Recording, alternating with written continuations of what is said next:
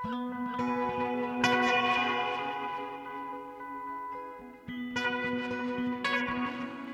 sæl og blessuð við sjá helsar ágetu hlustendur miðugudaginn 11. november.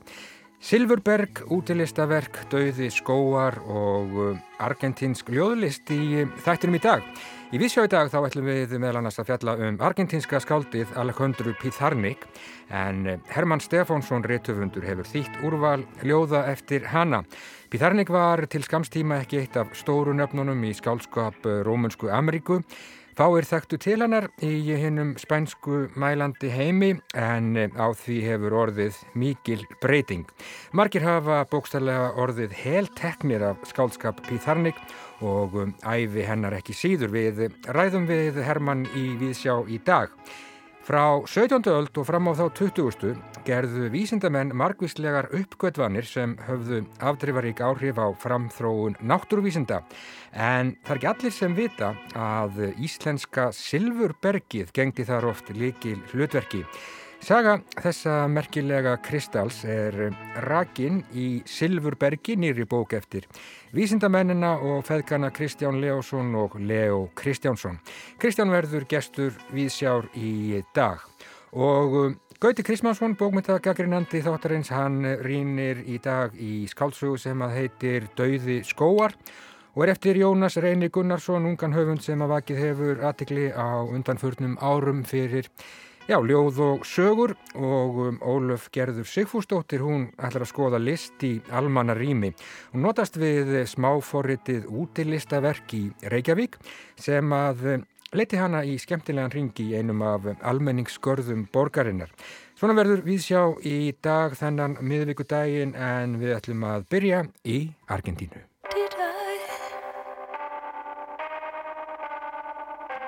See a moment with you in a half-lit world. I'm frightened to believe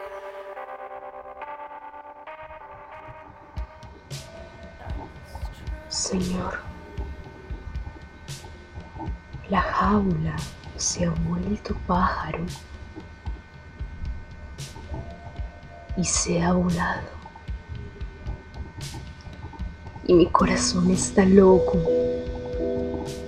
porque aúlla a la muerte y sonríe detrás del viento a mis delirios. Blóðböð. Þessi orðramur gekk. Frákomu Darvúlíu baðaði grefinni sinni í mannablóði til að varðveita æskutróð sinn. Reyndar trúði Darvúlíu á endunjónakraft mennskra líkamsvessa eins og góðri Nord Sæmir. Hún mærði ágætti blóðs úr stúlkum, helst hreinum megjum og mátt þess til að sigrast á djöblum hörnunarinnar. Grefin hann fjælst á þessi meðul eins og umverður ræða afturendað þvott. Niður í pintingasalnum einhendi Dorkó serja skera á æðar og slagaðar, blóðinu var sapnað í krukkur og þegar eina skornur voru hann blóðlösar heldi Dorko rauðum á velgum vögvanum yfir líka með grefininnar sem beigð og róleg, svo hvít, svo upprétt, svo þögul.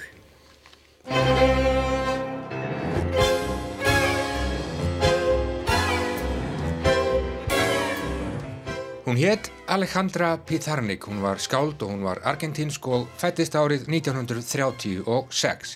Mentuð í heimsbyggi, bókmentum, trúarbræðarsögu og bladamennsku. Pizarnik var til skams tíma ekki eitt af stóru nöfnunum í skálskap rómönsku Ameríku. Fáir þekktu til hennar í hennum spænsku mælandi heimi en á því hefur orðið breyting, mikil breyting. Merkustu bækur hennar kom út á sjönda og áttunda áratögnum eftir að hún snýri aftur til Buenos Aires eftir nokkur ára dvöl í París. Það er ótt að segja að hróður hennar hafi vaksið mjög á undanförnum árum. Bókmynda áhuga fólkum allan heim hefur orðið heltekið að verkum hennar og sömuleiðis æfi. Pítharnik fjall fyrir ein hendi árið 1972. Herman Stefánsson Rittufundur hefur þýtt úrval ljóða eftir Alejandro Pizarnik og gefið út hjá Unu útgáfuhúsi í ritröðunni Síkild samtímaverk undir titlinum Brjálsemis steinnin brotnuminn. Herman skrifar mjög fróðlegan eftirmála um uh, ævi Pizarnik og ljóðlist hennar Tæpast er til jafn ólöglegt skáld og Alejandra Pizarnik skrifar Hermann á einum stað. Pizarnik var skáld sem átti í eilifri baráttu við tungumálið skáld sem fór ekki aðeins að mörkonum heldur út fyrir þau.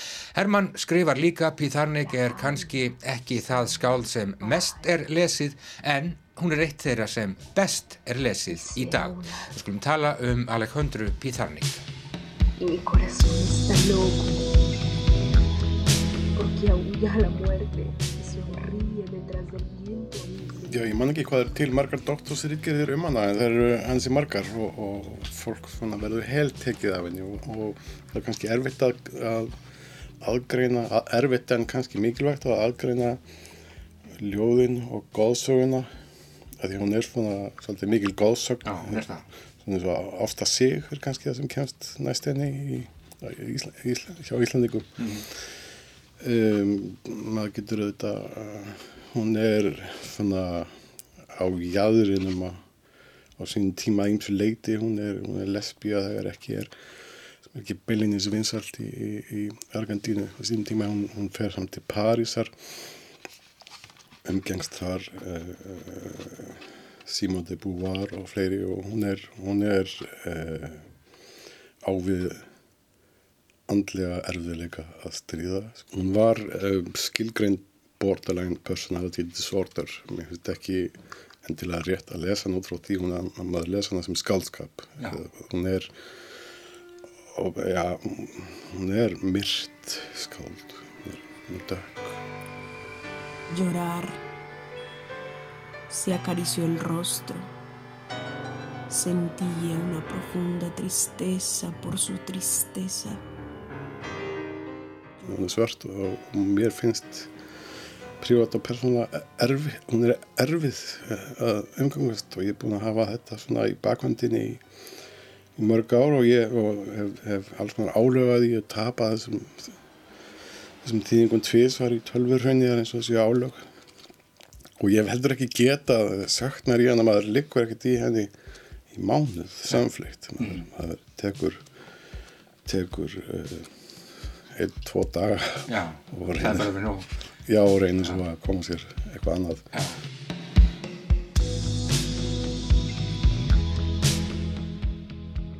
Betli rönd og enn dirfist ég að elska.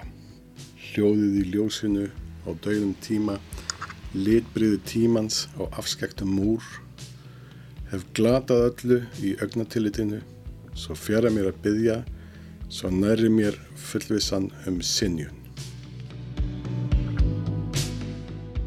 Þýðendur hennar hafa lent, já eins og þú nefnir og þú sjálfur hefur lent í, lent í hremmingum við það að þýða þessi ljóð, en hvað er hérna staðsetur þessa konu sem, sem ljóðskáld? Hún er, hún svona allavega í einhverjum textum þá fer hún svona út fyrir út fyrir öll mörg og um, kannski kallast eitthvað á við, við franska symbolismann eða þíska romantík eða satjapvel, hvað er það að hafa hana? Já, eða Ann Sexton eða, mm eða hana, hana hérna, Silvíu Plath. Það er kannski maður, maður flokkar sjálfsbúnðingja sem, sem uh, tegund af Það er Ljóðan Dickinson, er það ekki? Það er Ljóðan Dickinson Já, er, er, uh, Ég held hún flokkist bara í sín megin, sín megin flokki. Hún, hún á ekki það mikið samílegt sem skáld með Silvíu Plath eða, eða Sexton Beinlinis. Sko. En, uh, hún sé bara uh, eini gruppu. Hún, hún náttúrulega þekkti alltaf þess að það er mjög merkileg svona uh, bókmyndamafja þarna í Argentínu, miðbygg síðustu aldar. Hún þekkti alltaf þessa hérna, kalla og kellingar þar meðal sístur uh, merkar sem, sem hérna, stóðu svolítið mikið fyrir menningalífinu Já, það er og Kampó sístur og Kampó sístur en hún til dæmis passa sig að, að hérna, kvallar gæðinni að, að hérna, verða ein af mörgum eftirhermum Borgesar og, og hún Cortázar, Julio Cortázar var góði vinnur en, en nei, þetta er ekki hann er alltaf, alltaf sprækur fyrir, fyrir mig sagði hann svona nokkur megin hann vildi ekki hún er bara, hún er uh, það er mikil svona uh, ég myndi vilja segja já, ég vil helst ekki segja þráhyggja ég myndi kannski segja ástríða fyrir orðunum. Og það er uh, hún er svona hún orti, hún er liggjandi gætnan og á töflur. Já, með líkamannum segir þú? Já, Orti með líkamann. já, Já, liggur með krítatöflur og skiptir orð út fyrir orð og Mhm.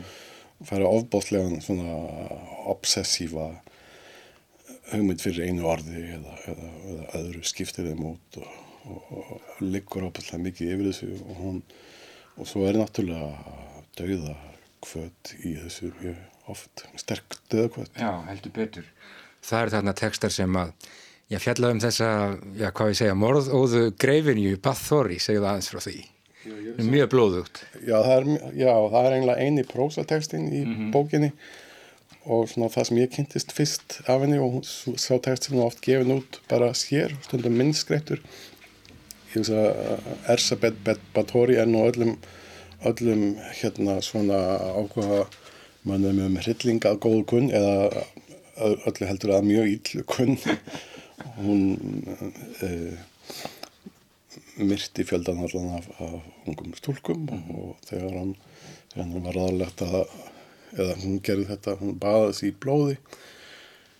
Henni var ráðlegt að uh, blóðið þurfti að vera blátt. Það kiftist nú engin við það þó, þótt, hún, þótt hún, og þetta er erum að tala um miðaldir. Það kiftist engin við það þótt hún uh, remdi svona ein og eina eða, eða kannski 10-20 alþjóðu stúlkur en, en hefða fólk mátt hún ekki koma að nála það sem var henni kannski falli var að hún, hún hérna stopnaði skóla fyrir heldri manna dætur og hérna það fór ítla fyrir þeim öllum. En sem sé það kannski- er öðruvísi við þetta heldur en og það, og það hefur önnum þetta efni og það er, til, er til heimildir um þessa raunverulegu raunverulegu greifinju en þetta er kannski þetta er kannski meira persónulega essaya og manni finnst stundum eins og hann sé að tala um sig sjálfa Þú dregur einhver, einhver svona líkindi milli þeirra. Þessar 16. aldar konu er það ekki sem eru með pyntingar uh, sal í, í- í kjallarunum á, á, á meðaldakastalanum. Já, hún gerir það næstu því sjálf. Hún er, hún er fordæmarinn að auðvitað, en hún er ekki fjallum, fjallum hann á þeim vettfangi. Hún er, hún er að vinna út frá uh, franskri, surrealískri skaldkonu og fræðikonu Valentine Penrose. Og, og hún, hún hérna, er ekki, hún er að reyna að höndla fegurðina. Hún, að koma alveg fordæmingar á, á hennar gjörðum, en það er samt eins og stundum eins sérstaklega þegar hún lýsir spekli melankólíunar þar sem, sem er eins og, og já, maður, maður, maður, hún er svona það jæðra við hún samsamið sig við þessa blóðu greifinu sem hún fordæmir samt í henni orðin en ekki hana hægt uh, og, og það sem öllu verra er að hún fær mann sjálfan til þess að samsamið sig með, með, með þessu uh, móðkvendi. Já. Um, þessum textum kynntist þú fyrir löngu á sínum tíma hjá, hjá Mattiasi Viðari sem að, að, að fjallaði um, um þetta, sama, þetta sama efni og þetta er sannlega mjög blóðugt og þarna er einhver stálmeia til dæmis, eitthvað pyntingartól og, og, og konur, stúlkur eru bundar við tré og stungnar, stungnar með nýfum, það er einhver um, ljótt er það en, en einhver fagurfræði í þessu samt. Já, og ég veit ekki hvernig hann kynntist þessu og undan allum öðrum. Eh, Hann hefur kynst þessu gegnum einhverja fræðmenn sem hafa, hann, hann þekkti bara þessa, þennan texta sko, en, en síðan á, hún er oft mjög ljóðran og mjög falleg eh, sem, sem skáld. Hún, ekki Batori, hún er, er falleg á sín, á sín hátt, á sín uh, grimmúðlega hátt, en, en hérna, það er uh, bara svo fallega línur í, í hérna Pítharnik eins og það er líkistur ólmast í blóði hennar. Það er, þetta er einhvern veginn lína sem þegar maður fyrir að kynna sér síðan skaldskapin sjálfan og, ekki bara þessa grein sem kannski er svolítið sér að báti og hún var svona jafnvel að hugsa um að að afneita, afneita þessar, þessar reykja sem byrt, byrtist uppalega sem bladagrein. Eh, Það er í gangi núna eiginlega að bylgja í Suður-Ameríku af nýjum hvern rítöfundum, prósahöfundar sem eiga svo sem ekkert sameigilegt, eh, ekki beinlinnist neina fagufræði, það eru opaslega ólíkar en, en það eiga svolítið Pítharnik sameigilega. hún, hún hérna, þetta er fólki sem hefur aukvitað hana á síðutu áratugum. Já, hún fætt 1936 og, og, og jú, er í París og, og þessar svona hennar bestu bækur kom út þarna á sjötta og sjöunda áratugnum er það ekki. Þú nefnir eina sérstaklega frá 62 sem heitir til dæmis Dínutrið. Já, og já, það verða ákveðin kaplaskil á hennar ferli þarna við þessa Parísar mm -hmm. tvöl sem er eiginlega það sem allir gerðu í, í, í Suður-Ameríku þessum tíma það, það var einhvern veginn París var uppbrettan á miðjan og þangað fóru allir og, og, og jú og díinu treð hún, hún umgengst alla það ég þýði það eru stuttljóð, titlaus það er einn kapli hérna í, í bókinni sem er, er úr þeirri bók Já.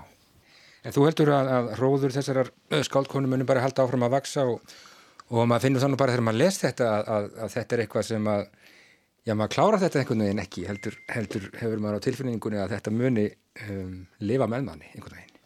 Já, hún er svolítið róttak bara og hún mm, rótar mann alltaf aftur og aftur. Já, og, og, og ég er uh, satt að segja uh, pínviti fegin í og með að vera, vera laus við hana, svona, hafa hana yfirvofandi. Já, það er nú guðið fyrir það, annars getur bara eitthvað ræðilegt komið fyrir. það, það er með þýðendur, þýðendur hérna píþagnik að þeir svifta sig annarkvæmt lífi eða enda á hæli Já. og eh, ég hef hvorult gert, þannig að, hérna, tel mér bara að vera veðsloppin 7.13. Já, nákvæmlega. Ég segi bara til haf mikið með þessa frábæri bók sem heitir Brjálsemi steinin brotnuðminn og þetta er jú Vist einhver vísun í málverk eftir Hieronymus Boss þar sem er verið að taka stein úr vitjastum manni, er það ekki? Já, rendar sko, er þetta víðar. Boss uh, málaði mynd af þessari miðalda hefð þar sem mm. var álitið að, að brálseminn stafið af okkur steini sem var hægt að fjar, fjarlæga með smá skurðaðgerð. Þegar bóra inn í hauskúpuna þá finnir maður brálseminn steinin sem er auðvitt við náttúrulega viskusteinin. En uh, Píþarnik fann þetta nú líka í, í góðsögum Indíana í Argentínu og, held því alltaf frem sjálf að, að þaðan, uh, þaðan væri vísunni komin Já. Nákvæmlega en mjög gott að fá þetta á íslensku Hermann, já gott úr búna því þá og kvílir þið kannski á Píþarnik í daldi góðan tíma og hérna nærið áttum. Takk fyrir spjallið og til hafmyggi með þetta. Takk fyrir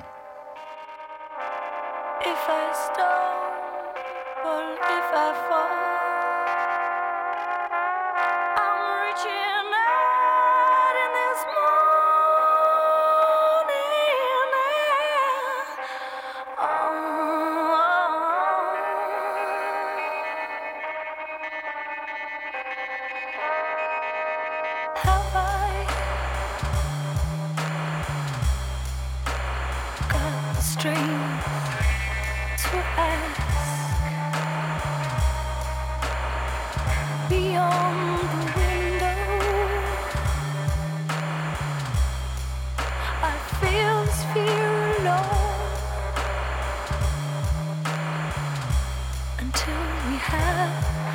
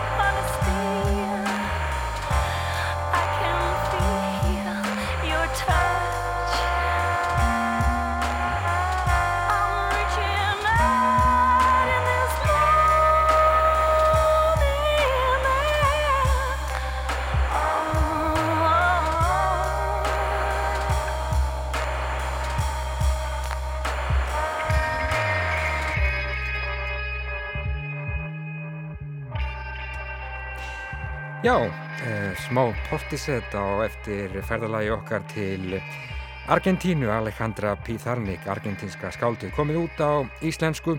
Herman Stefánsson hefur þýtt og já, er einlega fegin að vera laus við Pizarnik.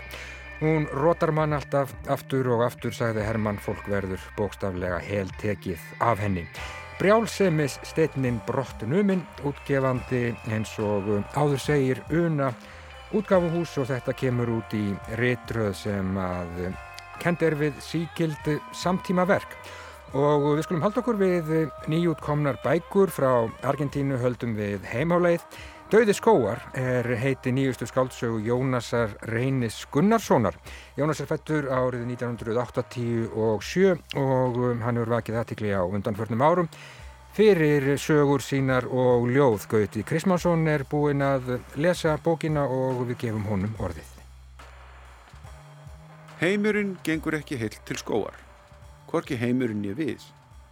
Þannig má skilja þessa frásögn úr höfði manns í ótilgrendum bæ út á landi þar sem örveröld sögumanns endurspeglar stórveröld heimsins. Ekki vantar að þú síðan enda sér til umræðu. Einn sögupersona er mjög upptekinn af nattrætni hlínun og öðrum vandamálum stórveraldarinnar en söguhetjan, ef svo skildi kalla, er uppteknari af vandamálum örveraldar sinnar hjónabandinu, börnunum, veikum föður sínum og öðrum nærtækum, eins og til að mynda skóalundi sem fadir hans og hann höfðu ræktað í hlýðinni skamt frá heimili þeirra. Skóurinn er takk fyrir allt sem er að fara úrskeiðis, en það eru undirstöður hans sprengjur úr síðari heimstyrjöld, sprengjur sem í ljós koma þegar endalust regningaveður verður til þess að hann flæðir bókstala niður hlýðina í örskriðu. Frásögnin er í fyrstu personu samtíðar og fortíðar og ofið er saman atbyrðarás og vangaveltum sögumanns í núinu við fortíðina og þannig nær höfundur að byggja upp frásagnartöf sem er nákvæmlega skömmtuð og heldur lesandanum með efnið, heldur í hann. Örlög þessa fólks fara að skipta okkur máli, ekki sísta því að þau eru nokkuð almenn fyrir marga Íslandinga í millistjætt. Þótt lífsbarattan sé ekki eins hörð og áður fyrir sögumannin þegar þannig komið sögu því hann hefur selt gott fyrirtæki sem hann byggði upp fyrir ágjáta fjárhað sínistmanni. Hann er ekkit forríkur en verist eiga vel til nýfs og skeiðar. Þrátt fyrir að frásagnatótni sé nokkuð fjarlægur, hlutlagu næstu því og það voru munni mannesku sem er að draga all marga djöbla í lífi sínu, þá einhvern veginn gefur það samfærandi mynd af fólkinu án allra skaldrembu. Tótnin minni jafnvel á sögur eins og útlendingin eftir Camus Alvarlegir atbyrðir og erfiðir fá sinn tíma í hlutlausir frásögn sem er sérstakt þegar verið er að segja frá í fyrstu personu. Ímist þemum á grein í sögunni sem eru þó enga megin pretikuð á neitt nátt, nema þá við gegnum sögupersonur sem hafa öfgakent viðhorf eins og Haraldur sem er sjálfmentaður sérfræðingurinn nattrætni hlínun og öfitt við það sem margir karluna hans aldrei hugsa, þá er hann samfæriður um hana og vil gera eitthvað í málinu. Kanski svo litið kaltæðin í því eins og reyndar mörgu öðru í þessari sögu. En taka skal þó fram að kaltæðinin er langt frá því að vera nöpur eða beisk, miklu fremar góðlótleg. Sögumæðurinn er að glýma við margvísleg minniháttar vandamál innan fjölskyldunar. Langt í frá óurleg, en sögumæðurinn þarf að eiga við það að sonurinn er að vera kynþróska og er eins og margir drengir og þeim aldri dálítið hamlaður í samskiptum. Reyndar ekki ólíkt föðurnum og sumt sem hann gerir í tengslum við það er einmitt að mörgum þess að vera hrypning og ógnun. Reyndar virist sögumæður lesa nokkuð farsalega úr því, segjum á að hann gerir sprengur í undurvitund drengsins óvirkar með þeim sjálfsagða hætti að ræða málinn með öllum viðkomandi. Hugsanlega er það forbóð einhvers sem sjá má undir lokin. Við vitum ekki hvort það sé áraðanlegt. Sögumæðurinn segir allt frá sínum sjónarhóli og hann er ekki alltaf sannsögull eða minnst okkur stið opinskár við aðra. En fyrst og fremst er þetta sag um dauðan, dauða óttan og ég vil domsta á einhverju formi. Sagan í örveröld sögumanns hverfist í raun um dauða foreldrana, einhver föðurins, þess sem hann rektaði skógin með, sem nú er hrunin, runnin niður með öskriðu. Undir honum voru ekki klappir, heldur sprengjur og síðar heimstyrjöld sem skildar hafði verið eftir á víðavangi og jarðvegur hafði sapnast yfir. Sprengjur held ég að stæðu fyrir einhverju ógn í undirvitun þeirra feðga. að þær táknuðu einhver myrk lindarmálur fortíð sem ég viðurkynniða nokkuð banalt en það fór höfundur ekki þá leið án þess þó að svift okkur lesendur möguleikanum á þeirri tólkun. En sprengjurnar gegna ekki aðeins ógnandi hlutverk í tekstanum. Þær eru grundvöldur húmors ef svo má til orða taka í þessu samhengi. Vesennið í kringu þær verður grátbróslegt, viðbröð undir mannaðs lauruglulis út á landi eru einhvern veginn samfærandi og þegar loksins eitthvað gerist með þessar sprengjur er það á sinnhátt hlálegur harmur en harmur enga síður. Dauði skóar er líkum harm sögumannsins. Hann upplifir áfallið af skóginum og fráfallið föðu síns nánast samtímis. Söguraminn er fjölskylduferð á spáni eftir flesta atbyrði sögunar. Sögumæður lýsi því yfir að hann sé á flótta frá öllu saman. Mörgu sem er kannski ágætt og annað eru venjuleg vandamál fjölskyldu hjóna með tvö börn að stálpast. Konan hans er ágætt. Hún krassar kannski dálítið mikið meðan hún talar í síman og á eina trúnaða vinkonu sem veit kannski aðeins og mikið um allt. En viðbröð hennar við samskiptahamlu sögumannsins er að mörguleiti eðlileg. Hann á það til að segja fátt um það sem er að gerast. Þó hann langi alveg til þess. Hefur mér sér áhyggjur af því eins og þegar hann dregur að segja henni frá sprengjunum. Ekki skrítið í ljósi þess að hann fann sprengjurnar á göngum með dóttur sinni. Þó hann hafi ekki vitað þeim fyrir, fannst hann ekki endilega rétt að segja frá þeim í því samhengi, eða því samhengi að þær veri rétt fyrir utan garðin þeirra. En það verður honum að orði við sjálfan sig við sprengifundin með dóttur sinni að hildur er þið brjáluð út í mig ef við dræpumst. Þessi annarlegi húmor stingur upp kolli í gegnum söguna og gerir hana áhugaverða. Maður í tilvistarkrepp af ímsum ástæðum sér eitthvað að borfi þetta í fullir alvöru og við brósum. Sagan af Haraldi umhverfisvenda sinna er líka komisk þótt heimsendarspár hans séu raunar í samræmi við almenna þekkingu. En það fyndið að heyra þetta úr munni eldri kalls sem okkur þætti líklegra að væri þæginda megin í afniturinni. En hann öldrar ekki bara, hann er með plan sem er raugrétt en um leið absúrt. Hann ætlar að leggja sitt að mörgum til að leysa hungurvandamál heimsins úr skemmu í smábæ út á landi. En þrátt fyrir húmórin og írónískar þversagnirnar er þetta samt saga um sorg og frásögnin sjálf er einhvern veginn eins og úrvinnsla á hennu óumflíjanlega.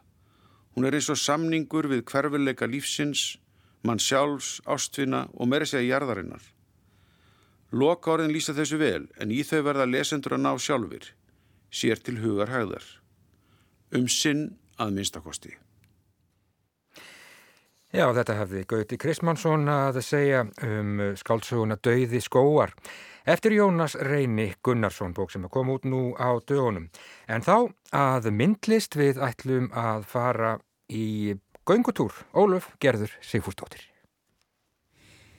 Þegar ég var að brjóta heilanum hvað ég ætti að fjalla um í þessum pistli nú þegar að söpn og galleri eru lókuð, myndi ég allt í einu eftir smáfóriti um útilistaverk sem ég hafði sótt í síman minn fyrir löngu síðan en aldrei notað. Það láð þess vegna beint við að grafa það upp og taka góðan göngutúrum list í almannarími á fallegum og björtum novemberdegi um nýleina helgi. Smáfóritið sem gefið var út af listasafni Reykjavíkur í júni í fyrra veitir upplýsingar um öll útilistaverk sem safnið hefur umsjón með í borgarlandinu sem eru um 200 talsins. Þar að auki heldur það utan um verk utan safnegnarinnar með því að ná til verka í eigu ríkis, stopnana eða engaðila við svegar um borgina. Hér er því um að ræða gífilegt magn upplýsinga um list í almannarími sem settir fram á afar aðgengilegan og nótendavænan hátt. Vel hannað viðmótið gerir nótkununa einfalda þannig að allir geta pröfa sig áfram og svo er útlitið í anda ásýndar listasafs Reykjavíkur þannig að maður finnur vel fyrir tengingu við safnið þó maður sé stattur út á túnni. Í appinu er hægt að sjá myndir og lesa stuttateksta um hvert og eitt þessara verka, hlusta á hljóðleðsagnir um valinverk og spreita sig á skemmtilegum leikjum sem reyna á myndlæsið. Forrætið stiðist við GPS staðsetningarbúnað og er tengt við Google Maps þannig að auðvelt er að átta sig á hvar verkin eru staðsett í samingi við maður eigin staðsetningu en einnig er hægt að fletta upp í verkum eftir stafrásröð heima í stofu. Þegar þið séðir inn á kortið komaði ljós tákn fyrir staðsetningu hvers verks sem svo er hægt að kalla fram upplýsingar um í formi texta eða hljóðus, auk ljósmyndar. Þá eru sérstök tákn fyrir hljóðulegsagnir sem settar hafa verið saman um valdar leiðir í ólíkum hverfum borgarinnar eða alls nýju talsins. Þennan dag valdi ég að fylgja hljóðulegsögnum einn af mínum uppahalds almenningskörðum borgarinnar, Klambratún. Garðurinn var mótaður sem listegarður árið 1964 þar sem áður voru tún í landi bæjarins Klambra. Garðurinn var hannaður af reyni Viljámsinni, landslagsarkitekt, að norðarni fyrirmynd. Það var áhugavert að standa þarna á túninu og ímynda sér kýr og beit og bændur í kálgörðum eða að sjá fyrir sér sláturhús, reikhús og kjötverslun sem eitt sinn stóði á svæðinu. Svæði sem í dag er nýtt fyrir útivist, afþreyingu og samveru og nú, 55 árum eftir að bæjarhús Klambra voru rifin, stendur eitt fallegasta síningarhús borgarinnar, Kjærvalstaðir. Ég byrjaði göngutúrin í austurenda garsins þar sem undirgöngin undir miklu breyt liggja en hægt er að velja hvaða yngönguleið sem er inn í gardin og láta leiðsögnin að byrja þar sem hverjum á einum hendar. Þennan dag eðaði gardurinn af lífi, krakkar að æslast á leikvellinum, nýbakaðar mæður með barnavagnana sína, fjölskyldur í hjólartúr, pöri í heilsubótagöngu, ungir menn að taka æfinga á líkamsræktarsvæðinu, úlingar að hanga og gamlir menn á bekk. Í gardinum eru útilistaverk sem ég hef margsinnis gengið framhjá í reglulegum göngutúrum mínum um hverfið en sum þeirra var ég að aukvita í fyrsta sinn nú í þessari leðsögn. Túrun hófst á því að heyra stutt brotum sögu klambratúns og kervalstaða og svo gekk í ringin að hverju verkinu á fætur öðru. Alls voru þetta sex verk sem appiði leiti mig að, brjóstmynd af Þorsteini Ellingsinni eftir Ríkard Jónsson, Reykjavíkur verðu Jóhanns Eifels, viðsnúningi Guðjóns Ketilssonar, minnismerki um nínu eftir Sigurjón Ólafsson, Reki Kristins Rapssonar og að lokum endaði ég á hrauni tveggja metra háum steinskultúr eftir pólsk-franska listamannin Lipsi. Það tók mig tæpan hálftíma að ganga leiðina, staldra við verkin og hlusta og horfa.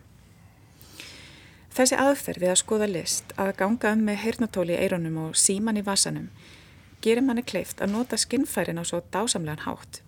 Sjónin og heyrnin stillast saman meðan maður gengur um og tekur inn það sem verður á vegimanns. Eitt það besta við appið er að þegar maður nálgast verkin byrja upplýsingarnar að hljóma í eironum án þess að maður þurfa að taka upp síman eða gefa skipanir á snertiskjá. Rödd upplýsarans var skýr og hraðin þægilegur. Þetta er í fyrsta sinn sem ég skoða listi í almenningsrými með þessari aðferð og ég verði að segja að þetta var mjög ánægileg og upplýsandi reynsla. Ég upplýði göngutúrum gardin á alvegnían hátt og mun öruglega veita þessum verkum sem á öðrum í borgarlandslæginu verðskuldari aðtekli hérna í frá. Ef það er eitthvað sem ég hefði viljað öðruvísi þá væri það eftir vill bara meira af upplýsingum um hvert verk, lengri einslög eða kannski bara að geta valið að fá nánari upplýsingar. Ég komst í svo mikið listasögu stuð að mér langaði að læra meira, vera úti og takin súrefni og láta mata mig á fróðuleik. Hins vegar get ég vel skilið að safnið kjósi að hafa takstana stutta og nýtt með það þar sem markkópurinn er bæði fullornir og börn og sennilega er appinu ætlað að vekja forvitni og kveikjur fyrst og fremst. Svo geta þeir sem ekki tala íslensku valið ennsku, hvað sem þeir eru túristar eða innflytjendur. Listasafn Reykjavíkur hefur á undanförnum árum lagt aukna áherslu á list í almannarími en merkjum á greinilega stefnubreitingu í að lifta þessum hluta safnegnarinnar. Fjármagn hefur verið sett í að sinna viðgerðum og forvörslu fyrir utan átaki í fræðslu og miðlun sem ætlað er að ná til fleiri en bara hins típiska sapgests. Þannig var árið 2019 ár listar í almannarími hjá sapninu og það ár var auki rými gefið í umræður um gildi listar í almannarími með ímiskonar málþingum og viðbörðum á vegum sapsins. Þá hefur sapnið í tvígangstaði fyrir samkeppnum um gerð útilistaverka í tildagnum hverfum borgarinnar sem vakið hafa upp áhugaverðar og gaggrínar umræður um gildi listar í almannarími og nærsamfélaginu. Það verður að hrósa sapninu fyrir að ráðast í það stóra verkefni að beina sjónum borgarbúa og annara landsmanna að list í almannaríminu. Smáfórættið er auðljóslega liður í því og hlýtur að teljast góðleði til að opna sapnið fyrir nýjum nótendum og um leið vekja aðtikla á því að sapn er ekki bara bygging með veggjum og þakki. Nákvæmlega Ólöf Gerður Sigfúsdóttir, hún rósaði þarna listasafni Íslands fyrir að vekja aðtikli okkar á listi almanna rými, sapna ekki bara bygging með veggjum og þakki. Það er annað og meira en bara hús auðvitað, en e, þá ágetur hlustendur vikur sögunni að býstna merkilegu fyrirbæri sem á sér merka sögu Halla Hardardóttir.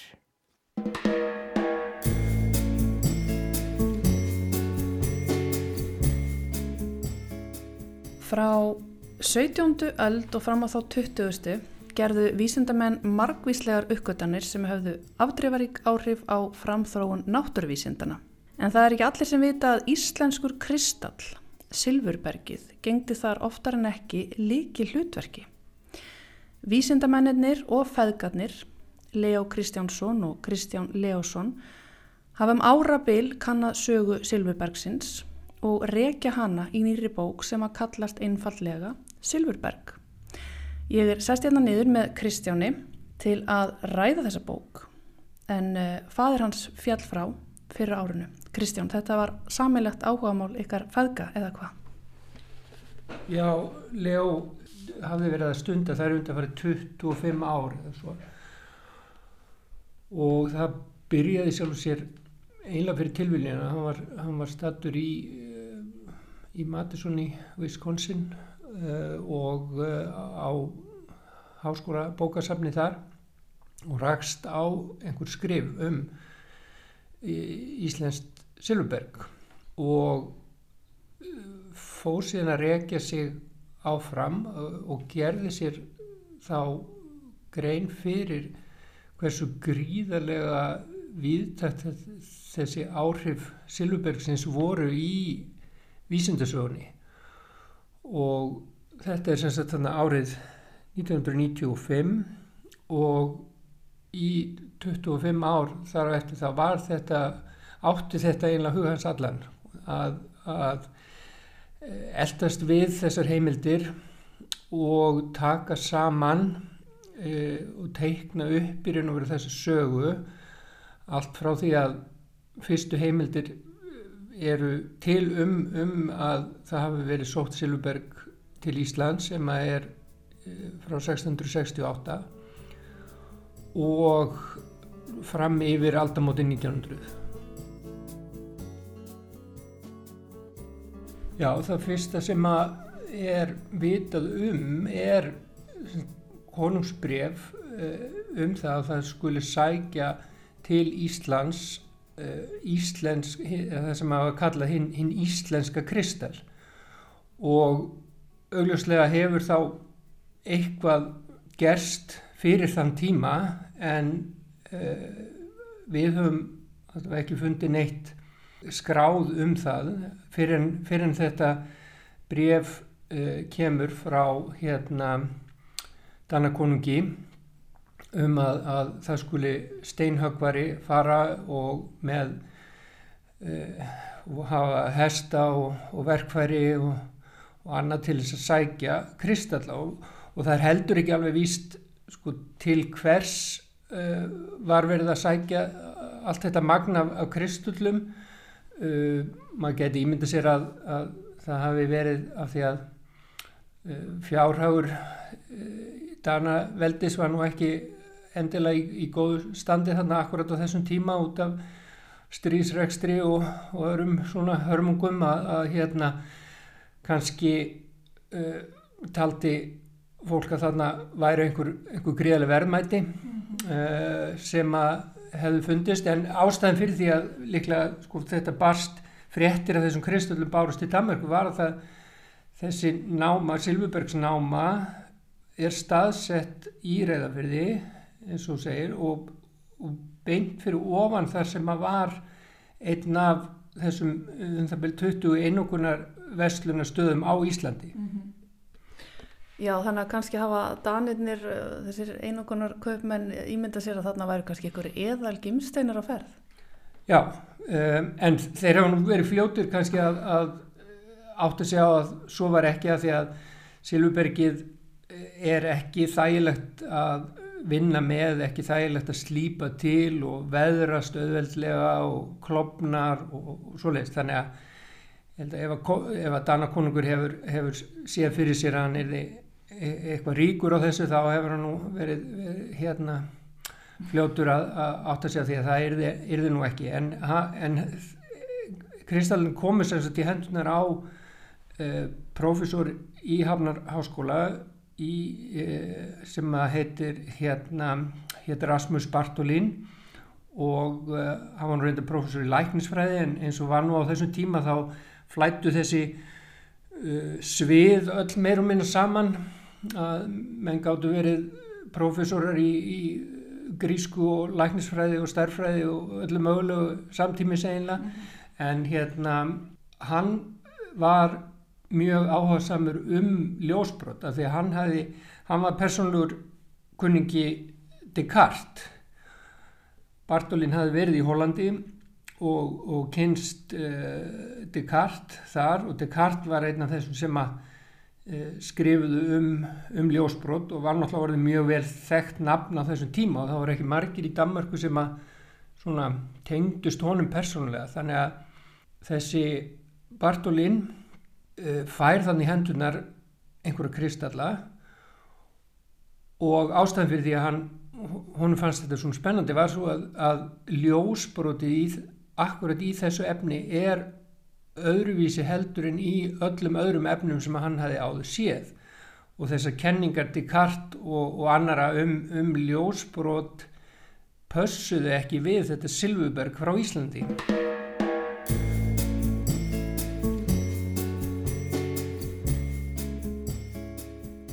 Sko, allir sem hafa séð Silfurbergs kristalla þeir átta sér náttúrulega mjög fljótt á því að það, hvað það er. Að það er, ef, ef maður horfir gegnum þá Silfurberg þá sést allt tvöfalt í gegnum það. Það var það sem að Bartolín sá strax að, að þarna var eitthvað, á, eitthvað skrítið á ferðinni. Af því að ef maður horfir í gegnum gler eða vatn eða, eða önnur gegsa í efni þá sér maður ekki tvöfalda mynd mm. en í Silvberginu var þetta mjög skýrt að, að það voru einhvern veginn urðu var, var tvenns konar ljósbrot inn í þessu efni og annað af þessum tveimur ljósbrotum getur maður sagt hefðaði sér eðlilega eins og, eins og önnur efni gerðu en hitt var einhvern veginn óeðlilegt og og þetta var í raun og veru óleist gáta síðan í 150 ár eftir, eftir að Bartolin eh, fær þessa kristallega hendunan þá eru margir sem að eru að reyna átt að segja á því hvað er í gangi mm -hmm. en fyrir utan þetta af því að þetta er svona kannski það sem er uh, það sem að sér svona strax en það sem líka var merkilegt var að þessi kristallar voru svo fullkomnir svona meða við efni sem maður finnur í náttúrinni þeir voru mjög stórir og mjög einsleitir og mjög tærir. Þannig að uh, þarna verður í raun og veru til þarna hjá Bartolin 1668-9 uh, verður til í raun og veru aflega ný fræðigrein sem að kallast núna kristallafræði það, þessi fræðigrein sem snýra því að skilja uppbyggingu efnis að því að meirum minna allt fast efni sem við þekkjum sko ólífrænt efni í náttúrunni er kristallað efni þannig að kristallafræði er mjög svona mikið grunn fag undir öll möguleg önnur svið eins og til dæmis í alfræði mm -hmm. Og svo er einmitt áhugavert eins og þú segir vegna þess að á þessum tíma þá voru vísindin ekki jafn hólfu nýður og þau eru í dag og þarna blandast saman óleiklegast að fólk úr af alls konar sviðum eh, tengist þessari sögu sem að þeir ekki hérna svo skemmtilega í þessari bók. Og það er til dæmis einn eh, skemmtilega saga þegar ungur frakki situr í herbygginu sinni í París með stóran kristall frá Íslandi í höndunum og horfir yfir í Luxemburgarhöllina og þar speiklast ljósið okkur ákveðin hátt og þá verður eina af einhverjum stórum uppgötunum vísendarsögunar. Já, það voru þessi 150 ár sem ég talaði um semst að uh, það er þessi ungi frakki sem að hafði ákveðið að taka þátt í velunarsamkefni sem að hérna franska vísindaakademían emdi til af því að þeim þóttu þetta hafa verið lengi óútskýrt og, og vildu vita hvort það væri hægt að hvetja fólk til þess að, að finna nú einhverja skýringu á þessari undarlegu hefðun í þessu efni frá Íslandi. Og uh, það var þessi hérna ungi verkfræðingur Malú heitir hann og uh, sem að gerði mælingar á Silvuberginu og það er svona þetta, þetta er svona þessi þessi svona moment eins og hérna með eplið sem dettur úr trénu og, og, og svo leiðis eða, eða hérna ekki Arkimedes hérna, æðand upp úr bakarinu og, og svo leiðis að, að hérna þarna bara þegar hann fyrir til, algjöru tilviljun lítur út um glöggan í gegnum kristallin og er að snúa honum svona þá sér hann eitthvað sem að enginn hafði gerð sig grein fyrir áður.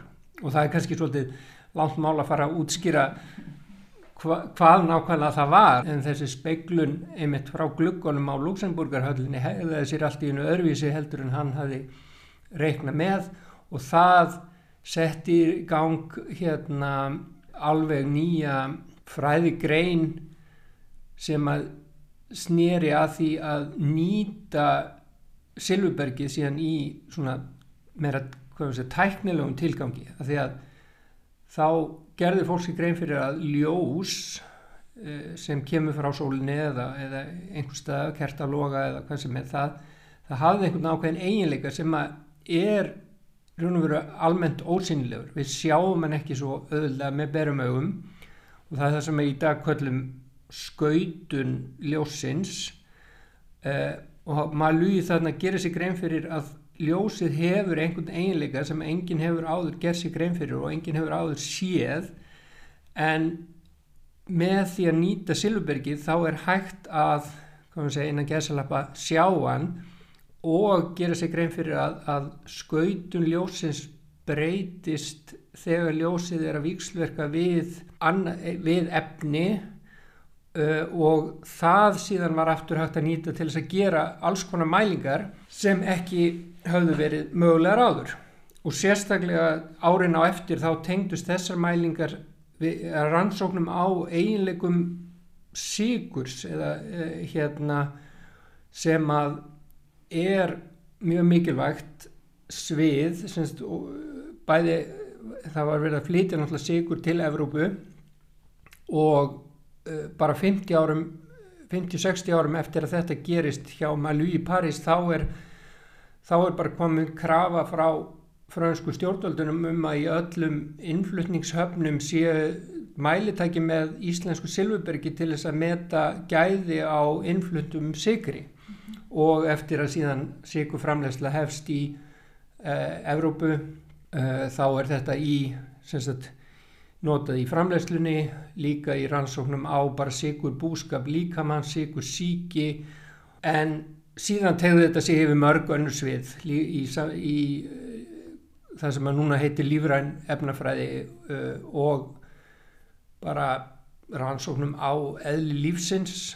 Þannig að maður getur sagt að Silverbergi átti stóra þátt í að lífræn efnafræði var til sem fag og örverufræði, pasteur gerði miklar uppgötanir þarna e, snemma á sínuferli þar sem hann nýtti Silverberg sem margir telja að vera hans í raun og veru stærsta framlag til vísindana þó að hann síðan hafi orðið mjög frægur fyrir allt aðra hluti setna meir.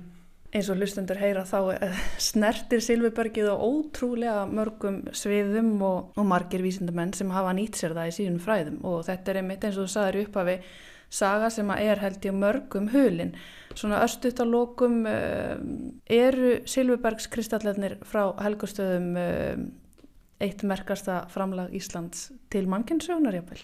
Já, ég held að það sé alveg klárt mála ef maður tala um framlag sagt, íslenskra náttúru til uh, heimssöguna þá sé engin staður á Íslandi raun og veru merkilegri heldur en heldur en þessi blettur þarna upp í fjalli í reyðafyrði. Um, vísindir náttúrulega hafa haft svo gríðaleg áhrif á allt okkar líf um, en maður ber saman hvernig heimurinn var fyrir 150 árum og hvernig hann er í dag. Silvubergið hefur uh, skipt svo miklu máli í þróun þessari vísindagreina sem að snerta okkur, það er í sambandi við fjarskipti og bara skilning okkar á alheiminum og eins í þessari efnafræði og efnaframleiðslu og, og, og líka í uh, jarfræði rannsóknum og uh, stjórnufræði og, og enþá fleiri sviðum. Þannig að ég held því allavega fram að, að uh, Helgu staðnáman sé nú svona í sögulegu sammingi mikilværi en, en hérna Guldfoss og Geysir og Hekla og Þingvellir og, og allt það sko. Kanski ekki skrítið að þetta hafi fangað aðtegli föðurðins þarna forðum daga í bandaríkjónum? Nei, þetta er einmitt og, og svo ótrúlegt í raun og veru hvað lítið hefur verið skrifað um þetta þó að það hafi vissulega komið út eitthvað af efni á íslensku uh, svona um segja afmarkaða þætti í þessari sögu og, og, og ákveðnir erlendir uh, svona vísendasakfræðingar hafa líka skoðað til dæmis æfi Bartolín og, og þessa vinnu hans í kringu Silvubergið eða Malú í Fraklandi þá, þá, þá, eru, þá eru þetta svona segja afmarkaði þættir en, en svona heldar áhrifin, heldar sagan hefur mér vindandi aldrei verið teiknuð upp áður.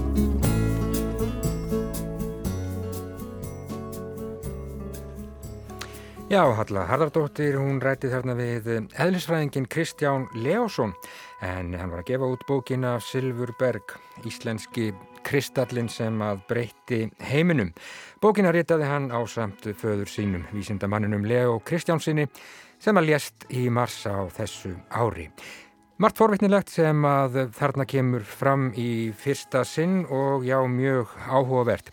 En eh, svona ætlum við að ljúka við sjá í dag á getu hlustendur þátturinn aftur. Á sínum tíma löst eftir klukkan fjögur á morgun. Taknimaður í þessari útsendingu var Úlfildur Eisteinsdóttir. Takk fyrir samfélgina í dag. Verðið sæl.